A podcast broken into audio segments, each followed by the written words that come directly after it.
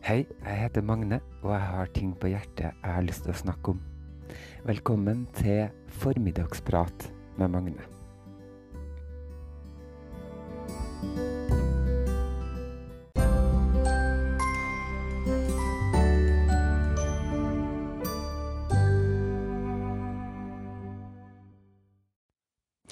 God dag og velkommen til nok en eh, episode av Formiddagsprat. Min kjære undulat Eline Aurora er veldig snakkesalig i dag, men jeg må innrømme at til meg så har det bare stått stilt i skallen. Eller det er kanskje feil å si, det har vært med en sånn lapskaus at, at jeg hopper fra den ene tanken til den andre, og klarer ikke å holde en, en tanke så lenge på gangen. Og jeg kjenner at jeg er veldig fascinert over de menneskene som bare alltid har noen ting å si. At det kommer en konstant strøm av ord, og, og at de aldri blir tom. Tom for tema eller ting å snakke om. Og jeg husker at det var en sånn dame som pleide å komme på besøk til oss når jeg var liten, og når hun kom, så var det litt sånn Oi, nå blir det monolog, og nå blir det utspørring og, og snakking eh, konstant. Um, og på den tida så tenkte jeg kanskje på det som noe sånn litt negativt, litt sånn sladdekjerringaktig. Men i dag så tenker jeg eh, litt på Altså, så er jeg litt mer fascinert av det og syns det er litt fint òg. For hun var veldig sånn nysgjerrig um, på folk og kunne spørre ting veldig sånn direkte og, og gå litt over sånne grenser. Men, men nå så er det nesten så jeg syns at det er litt fint, for hun var veldig interessert. Og mange som, som drev og sladra, kunne jo sitte og anta ting om folk og, og fantasere og finne på ting sjøl. For de tenkte at det var øh, Ikke sant, de tenk, kunne tenke seg til hva de personene øh, de snakka om, da gjorde eller mente eller sa. Mens hun damen her, da, som jeg snakker om, hun kunne gå direkte til kjernen og dra hjem til de folkene som andre folk snakker om, og bare spørre rett ut om de tingene og få svar på det. Og det syns jeg var det, eh, er noe eh, fascinerende over det, da.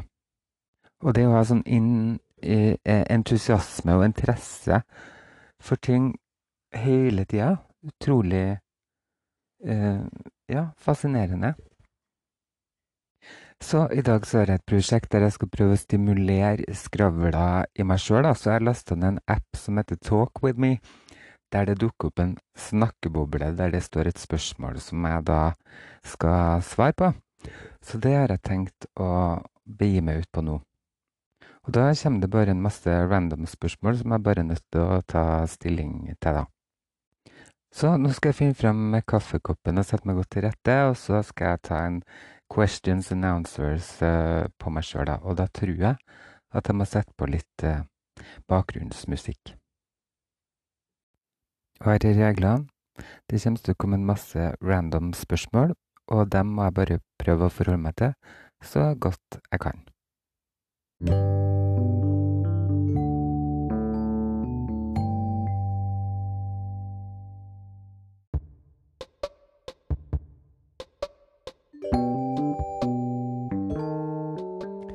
Første spørsmål. Where are the best hotels in your area?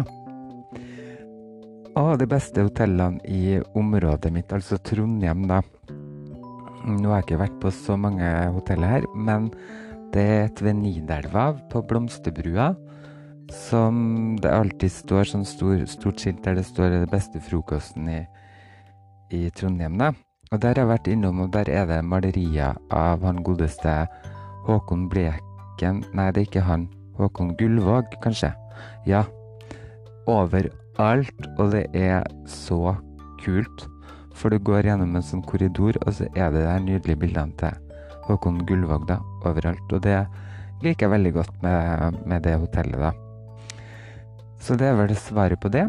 Og så neste spørsmål. What was the last photo you took on your iPhone Nei, ikke iPhone, on your phone? Siste bildet jeg tok på telefonen min, var vel Jo, det var fra jeg hadde et sminkekurs på um, en ungdomsskole forleden hvor de skulle lære seg å sminke til revy, for de har revyuke hvert år. Og da ble jeg leid inn der for å holde sminkekurs, da. Og da eh, ville jeg at de skulle lære seg å sminke drag, selvfølgelig. Så da tok vi et eh, bilde av det resultatet eh, når de var ferdige. Så det er det siste bildet jeg kan huske på at jeg tok på telefonen. Neste What are some things you want to accomplish before you die? Ting som jeg har lyst til å gjennomføre før jeg dør. Eh, jo, det ene en jeg på med podkasten min. Det er nemlig å lese Bibelen fra perm til perm. Sjøl om jeg eh, er til tvil innimellom om jeg virkelig vil det. Men uh, det, det, er noe jeg skal gjøre før jeg dør, ja. Og så har jeg lyst til å skrive en bok før jeg dør, og så har jeg lyst til å uh, spille storheksa i Heksene før jeg dør. Det er noen av de tingene, i hvert fall. What's your favorite way to waste time? Jeg elsker å eh, lage podkast, f.eks. Og jeg elsker å se på Netflix. Akkurat nå RuPaul's Drag Race. Og eh, diverse serier da, som jeg, som jeg blir gira på. Nå gleder jeg meg til Game of Thrones må komme. Og så tror jeg det er premiere på det her kokkekamp-greiene på, på, TV3. Kamp Kulinaris, Det kjenner jeg at jeg har lyst til å se på. Og hver gang vi møtes, er et sånt favorittprogram. Um, ja, det er noen av de tingene jeg liker å bruke tida på. Would you rather dump someone else or be the person getting dumped? Oi, det uh, Det var et uh, vanskelig spørsmål. Mm, en del av meg er vel sånn at jeg ville ha vært den som har slått opp med noen andre. Fordi at da har jeg kanskje følt at jeg hadde en slags, slags eh, kontroll, da. Og i hvert fall veit hva det er som skjer. For det som er problemet med å bli slått opp med, det er at det kan uh, komme veldig sånn overraskende på. da, At du føler at du liksom ikke har forberedt deg helt på, på det. Sånn at um, hvis man er den som slår opp, så har man i hvert fall Da, da veit man i hvert fall noen ting, da. På, sånn på forhånd. Så jeg tror kanskje det er svaret på det, hvis jeg er nødt til å svare ja eller nei. Who had the biggest impact on the person you have become? Hva som har hatt mest innflytelse på uh, som, eh, den personen som jeg føler at jeg har blitt i dag? Ja, si det. Det det var ikke så lett å svare på, syns jeg. Mm, jeg mener at det er flere som har hatt veldig bra innflytelse på meg opp gjennom eh, tida. Men eh, som har gjort meg til den personen som jeg er. Ja, si det. Pappa er liksom det første jeg tenker, fordi at han hadde noen sånne verdier og måte å være på som jeg føler at jeg har prøvd å ta med meg, og som jeg liker. Han var altså blid og sosial og, og snill. Uh, noen av de verdiene som jeg liker å tenke på at jeg vil ta med meg videre fra han. Og så har jeg eh, noen venner som også har påvirka meg veldig der har vi Jenny, f.eks., som har lært meg om entusiasme og livsglede, kan man si. Marit også. Eh, og Marit kanskje, eller begge de, har kanskje lært meg litt der at ting er ikke så innmari farlig. Og vi er alle mennesker og hva, hva skal jeg si Med eh, frykter og redsler, og, men også entusiasme og glede eh, over ting i livet, da. Så ja, de har absolutt påvirka meg. Og så har vi Elfenbensbæreren, som, som hvis du har hørt uh, flere episoder av podkasten min, så har du også lagt merke til at han har påvirka meg eh, positivt, da. Absolutt. Og hva er den verste filmen du noen gang har sett? Den verste filmen jeg noen gang har sett, hva kan det være? Hmm. Det er ingen som sånn umiddelbart dukker opp i hodet. Jeg tenker at den har jo sikkert slått av eh, fra starten av, eller Ja, rett og slett ikke. Men nå var jo spørsmålet hva den verste filmen jeg har sett. Så jeg må jo ha sett den, da, hele filmen. Og likevel syns jeg at den var eh, ikke var bra. Hmm. Problemet er jo at jeg husker ikke titler på de her verste filmene jeg har sett, men jeg vet handlingsforløpet, da, sånn cirka. Det er smidd over én lest, så det finnes mange filmer som, som har det samme. Og det, da er det en person som er en slags eh, helt eller noe, som skal løse et eller annet problem. Og så kommer det noen sånn bilscener med lang, lang sånn kjøresekvenser. Eh, der bilene uh, ja, kjører veldig fort og, og, snurrer litt rundt og litt forskjellig sånn. Uh, og så er det en dame involvert som den hoved, mannlige hovedpersonen da får en romanse med. Og de ligger gjerne sammen, og du får se litt, litt av det på, på, en sånn Hva skal jeg si Bestemt måte. De filmer på ikke så eksplisitt, men det er veldig sånn romantisk og, og sånn. Og så uh, husket jeg hvordan de filmene uh, slutter. Men det er vel at helten vinner over, over skurkene, da. Ja, så det var svaret på det. What is the most disgusting thing you have heard about that happened at a restaurant? Det verste som har skjedd på en restaurant som jeg har hørt om. Hmm. Nei, det må vel kanskje bli en restaurant, hvis man kan kalle det, som pappa var på et eller annet sted i den store verden når han var sjømann, og de plukka ut uh, slangene sjøl, som de skulle spise fra en sånn bås, og så sto de og peka på hvilken slange de skulle spise. Ja. Det syns jeg var Ja, det er det hesligste som jeg kommer på, da. Uh, would you rather be blind or deaf? Blind eller døv? Mm.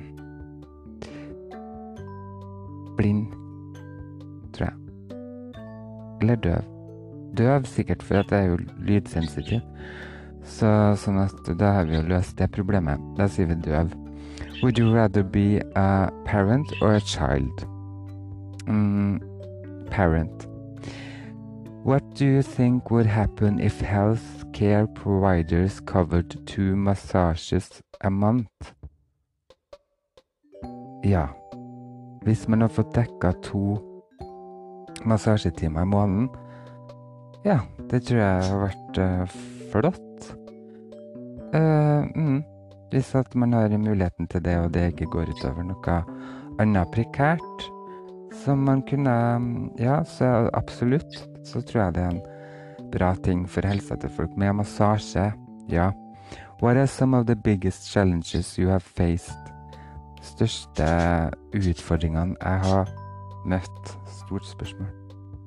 Det vet jeg ikke om jeg har noe veldig godt svar på, for jeg føler at det har vært mye mer mindre um, challenges uh, opp igjennom livet da, som jeg har, uh, har møtt, enn at det er en sånn stor.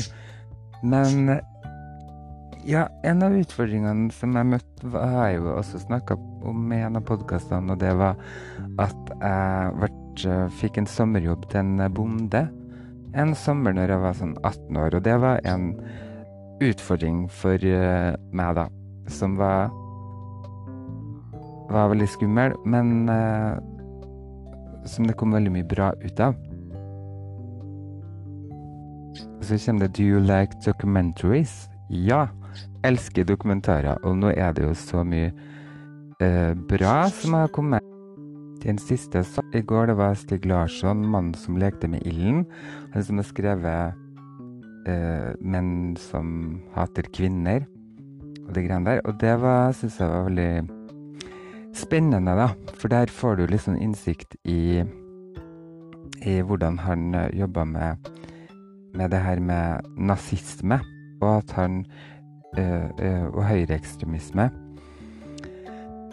Og kan se paralleller til uh, de her bøkene da, som han har skrevet om Lisbeth Salander og, og, det her. At han faktisk hadde en sånn redaksjon som laga et magasin som handla om, om de her mørke kreftene i, i samfunnet. da. Og at han opplevde veldig mye av det som hovedpersonen i de her filmene uh, også opplever. da. Så det er veldig spennende å gjøre at, at de her tre filmene nesten blir dokumentarisk, på en måte. At, at jeg syns den blir enda mer spennende. Jeg får, lyst til å se den trilogien en gang til, den Millennium-trilogien. Og så så jeg dokumentar som Solveig Kloppen laga om, som jeg også har nevnt tidligere, om at uh, mora hennes og søstera hennes død handler om sorg. Sorgen rundt det, da, som jeg syns er veldig sterk og fin dokumentar. Og så eh, elsker jeg sånn true crime-dokumentarer, og den siste som kom, som jeg syns var enda bedre enn den der som er mest kjent, hva heter den igjen, da? Eh, 'Making a Murderer'. Så kom det en som heter John Grisham. Eh, John Grisham er jo en uh, sin krimforfatter. Og han har skrevet en bok som heter 'The Innocent Man'. Um, uskyldig dømt på norsk. Der han uh, har skrevet en sånn sak uh, Hva heter det? Sakprosa? Ja, den eneste han har skrevet, i hvert fall, som er virkelighet. Virkelighetslitteratur. Om, en, uh, om noen da som blir um, uskyldig dømt. Og den syns jeg er utrolig spennende og gripende dokumentar.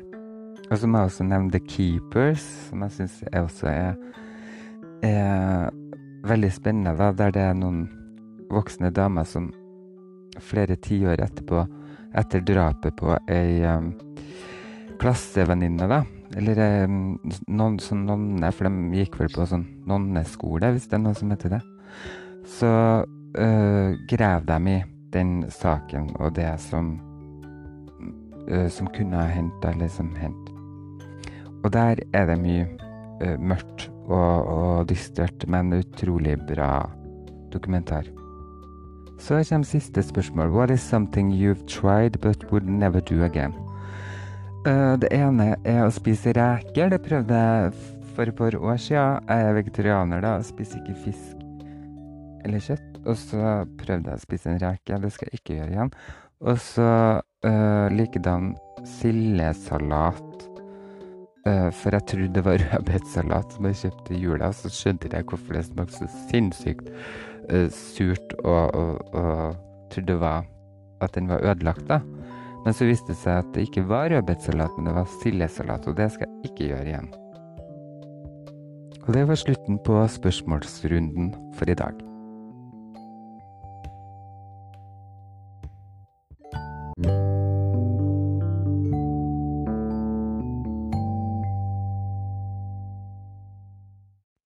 Har vi kommet til den delen av podkasten som jeg gleder meg veldig til. For da skal jeg lese videre fra memoarene etter min bestefar. Og sist jeg leste fra dem, så sier han det at han har vært og skulle møte en kompis, men som ikke, ikke var der han skulle være. da, så, Og bestefar var sulten, og jeg har ikke spist på en par dager. Så han gikk og pantsatte et par støvler, gikk på en restaurant og der satt en mann som drakk sprit og øl, og som spanderte Eller betalte for maten til, til bestefar, da, og ga han en femmer i tillegg. Så bestefar er glad og mett og har penger på lomma og ingen utlegg. Så der slutta vi forrige gang, så nå skal vi høre videre hvordan det går med bestefar Kalle. Sen ringde jag efter min sjömanssäck och satte eh, in den på sjömanshemmet, där den skulle stå tills jag fick hyra. Sedan skulle jag gå till juden och lösa ut mina stövlar. Något rum på sjömanshemmet skulle jag inte ha, för det kan man få gratis. Så tok jeg meg en tur langs kajen og tittade på båtene for å få tag i et bra logi og der lå jo redningsbåten som jeg varet om ombord i en gang før. Jeg gikk ned i maskinrommet og pratet med smørjeieren som hadde vakt. Jeg fikk ligge på en benk over natten og om morgenen så ble jeg vekt med en kopp kaffe og en smørgås. Fast jeg var jo lite øm i kroppen av nattlägret, men det gikk snart over, jeg var bare 20 år, og da tåler man alle strabatser. Sen var det at vende til hyreskontoret for å forsøke å få hyra. Det lyckades med, med en gang. Det var en gammel Helsingborgsbåt som hette Amity og jeg fikk mønstra som lettmatros, for jeg hadde for liten fartstid for et mønstre som matros. Hyran var 30 kronor i månaden. För andra gången hade lyckan sparkat mig i ändan. Jag hade inte gått en hel dag i Malmö förrän jag fick hyra. Kaptenen var en gammal krutgubbe. Han gikk alltid i den tidens styve hatt som kallades for knalle. Båten hadde kollast inne og skulle gå til Sundsvall. Den var bare inne i Malmö for å proviantere. Ja, så bar det til sjøs igjen for tredje gangen, og om inte så lenge skulle vi være i Sundsvall. Men ennå var det vinter og i Sundsvall var det 25 grader kaldt.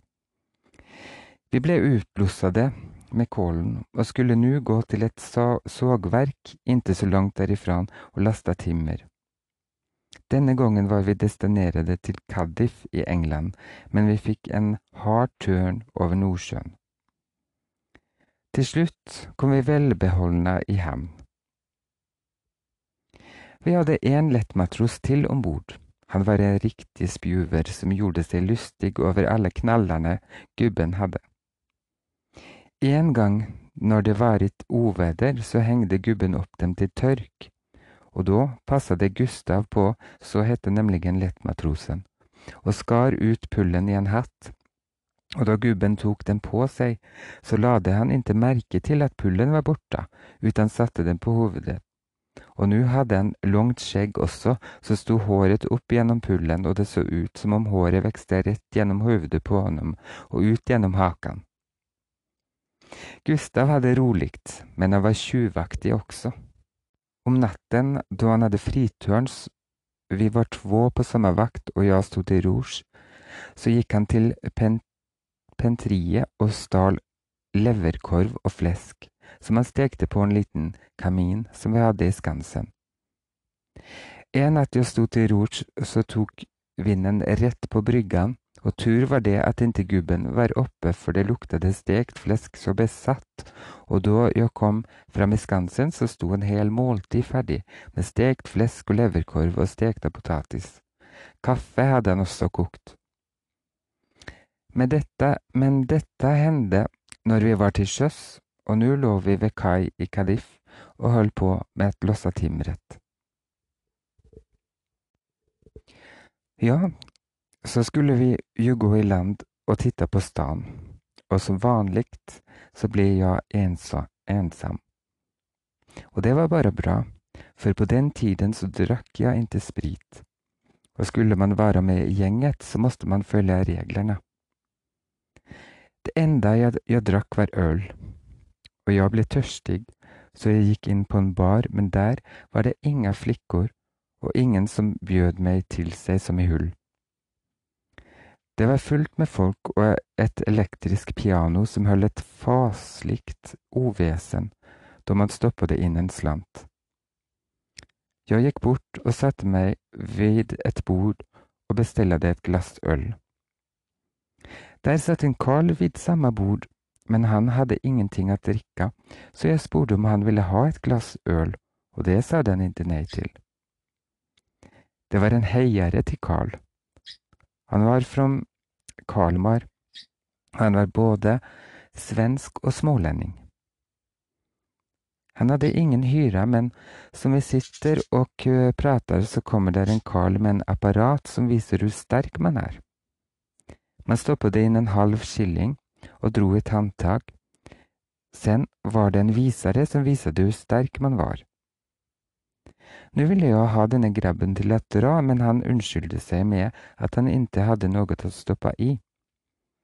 Det skal jeg gjøre, bare du vil dra. Ja, han reiste seg opp og bøyde seg ned og tok tak i håndtaket og reiste seg sakte til han sto rak, og da brast fjederen og viseren for som en ulykke over tavlen, som det stod nummer på. Eieren av apparatet svor over Kalmargrabben. Da vi lå i Cardiff, holdt vi på med å knakke røst og måla på utsidan. Jeg holdt på framme ved bøgen der ankeret hengde. Ankerstokken hengde litt under vannskorpa. Og en morgen jeg kom opp, så fikk jeg se at ankerstokken var så tjukk.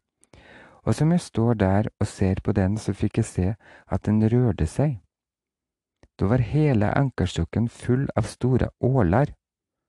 Jeg for ned i skansen og fikk tak i en gaffel, men da jeg kommer opp, så kom jeg til øh, leststangen, og der, og den var ren på et øyeblikk. Ja, så fikk vi losset lasten og fikk ordre til å gå til Newcastle for å uh, laste kål til Helsingborg. Det var i mai måned 1921 som vi kom til Helsingborg, samme år som jeg skulle mønstre til bevaring. Nå var mønstringen unnagjort, og jeg spekulerte på hva jeg skulle gjøre. Jeg hadde ingen lyst å reise til Karlskrona.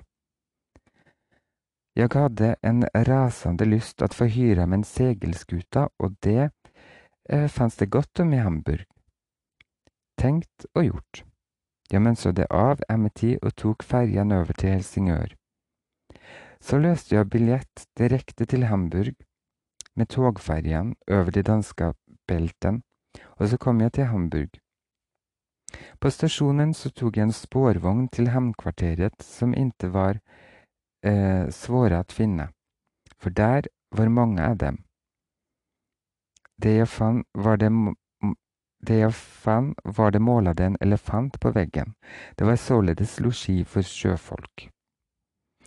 Jeg gikk inn og fikk en plass å bo der med innsats av sjøsekken, men vi kom overens om at hyren skulle bli en segler, seglare.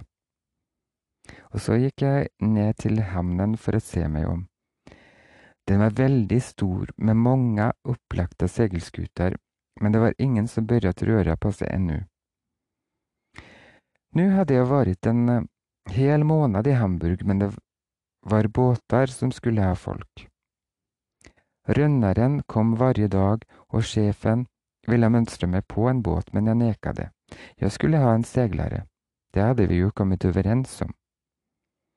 Men på shipping-officen talades bare engelska, så jeg ble bekjent med en dansk pojke som heter Christian, og han hadde før vært ute med seglere og ha engelska. Han lærte meg frågor og svar som jeg skulle forstå. Da jeg kom innenfor shippingmasteren, og til slutt kom en rønnere som skulle ha folk til en fyrmastet bark. Hun het Alie og var skyldig og var fra Liverpool.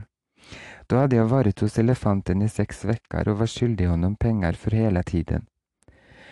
Nå var jeg påmønstret for tre år, og hele besetningen skulle få tre måneders forskudd på hyren. Hyren var 60 kroner i måneden, så det gikk bra å betale min skuld og enda få penger over.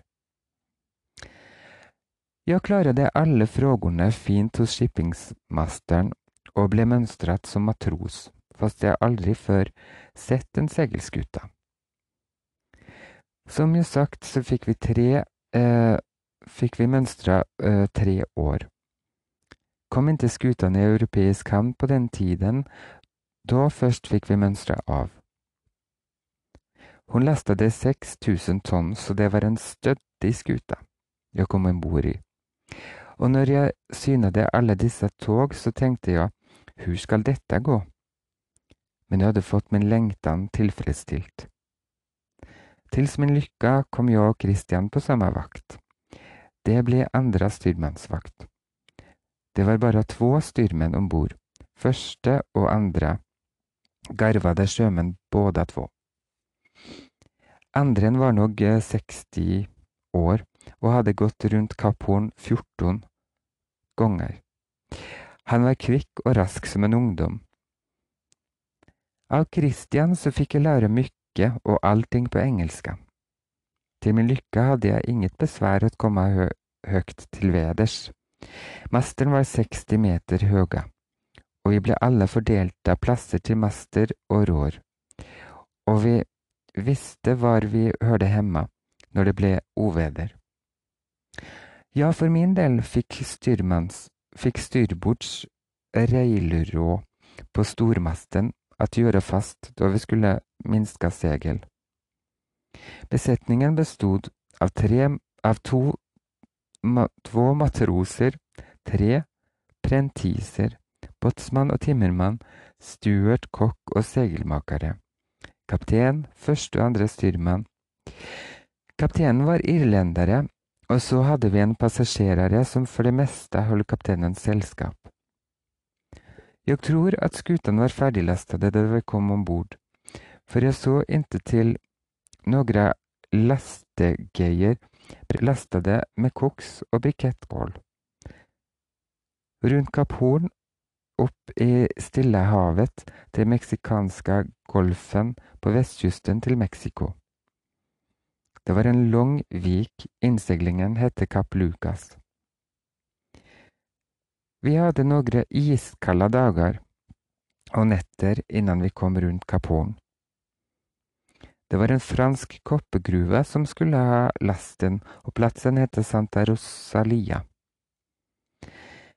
Det var lang vei dit, og vi hadde nyss børjet.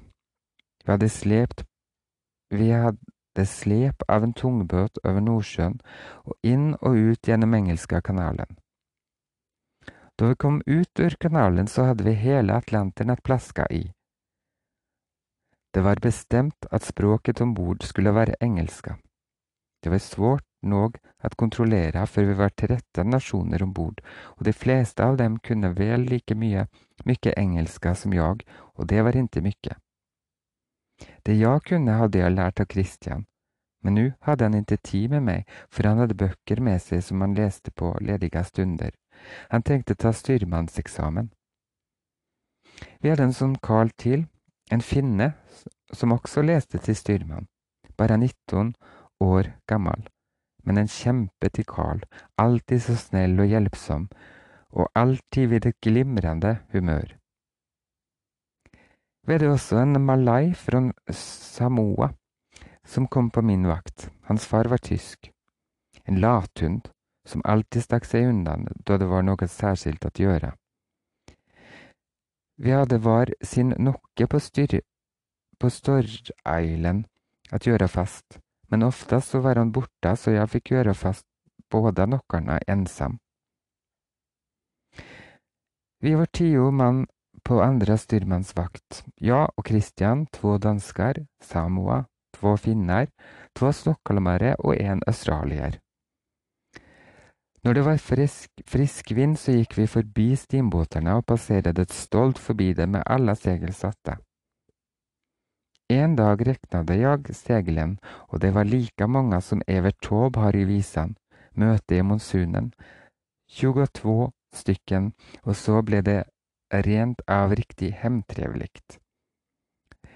Da vi skulle gjøre stagvendingen, eller bautskip, som noen av oss sa, så var styrmannen like kvikk på føttene som vi andre. Da skulle han prate svenska, men det gikk, inte, men det gikk han ikke ut med. Han skulle säga skynda på jävla pojkar. Istället så sade han hurry upp jävla pojkar. Ja, når det bar til å svare, så kunne han både på svenska og engelska. Prata vanlig svenska, det gikk han bet på. Det var en trevlig karl, men mykje noga.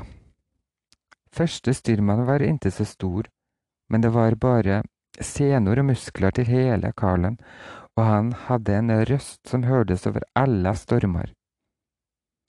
Andre styrmann var farlig da han ble arg, for han kunne bokses, og på den tiden så var det ikke så noe med en omgang juling om man ikke oppførte seg som man skulle. Resan hadde gått bra hittils. Vi holder nå på at nærme oss ekvatoren, og nå skulle vi til å skifte segel. Stormsegelet toks ned, og lettere segel sattes opp. Var nest, de var nesten oppslitte. Nå begynte det bli varmt, 45 grader celsius, for nå hadde vi fått passadvind som blåste fra samme hold. Iblant var det ingen, ingen vind alls, så vi lå og rulla det fra den ene siden til den andre. Den dagen vi skiftet segel, var det enda varmere. Det sades at det var omkring 60 grader, og vi hadde slutt på vannet. Ja, det var dagens utdrag av uh, bestefar sin, uh, sin, fortelling, da. Og i sted, når jeg hadde de, de forskjellige spørsmålene, så eh, nå så kom det opp et nytt spørsmål der det står How do you think traveling to a lot of different countries changes a person? Og med det så må jeg si at det tror jeg er, er bra å få en masse inntrykk, være ute og reise og bli kjent med forskjellige mennesker. Og det syns jeg er morsomt. Når jeg leser om eh, bestefar, da, de forskjellige menneskene jeg møter, og måten han, han, eh, ser på de, da, og forteller om karaktertrekkene og hvordan, hvordan de er og hvordan de forskjellige eh, tingene som han opplever, da, utvikler han som, som person. Nå virker han også som en ganske åpen, åpen person i utgangspunktet, da, som syns det er interessant med mennesker. Og det liker jeg veldig godt når jeg leser det her, da. Og at han har den uh, vinklinga, den åpenheten, i møte med mennesker og situasjoner. Og jeg gleder meg til å lese videre. Ja, i dag så sto det litt stilt oppi hodet mitt, men jeg klarte jo likevel å få ut av meg noen, noen ord, da. Og så er jeg inspirert av bestefar til å observere, legge merke til menneskene rundt meg, og være litt ekstra nysgjerrig. Så gjenstår det å si tusen takk for at du hørte på meg i dag, og så håper jeg du hører uh, på meg videre. Hvis du har noe på hjertet, så send meg melding på Instagram eller på Facebook. Et pust i livet. Takk for i dag.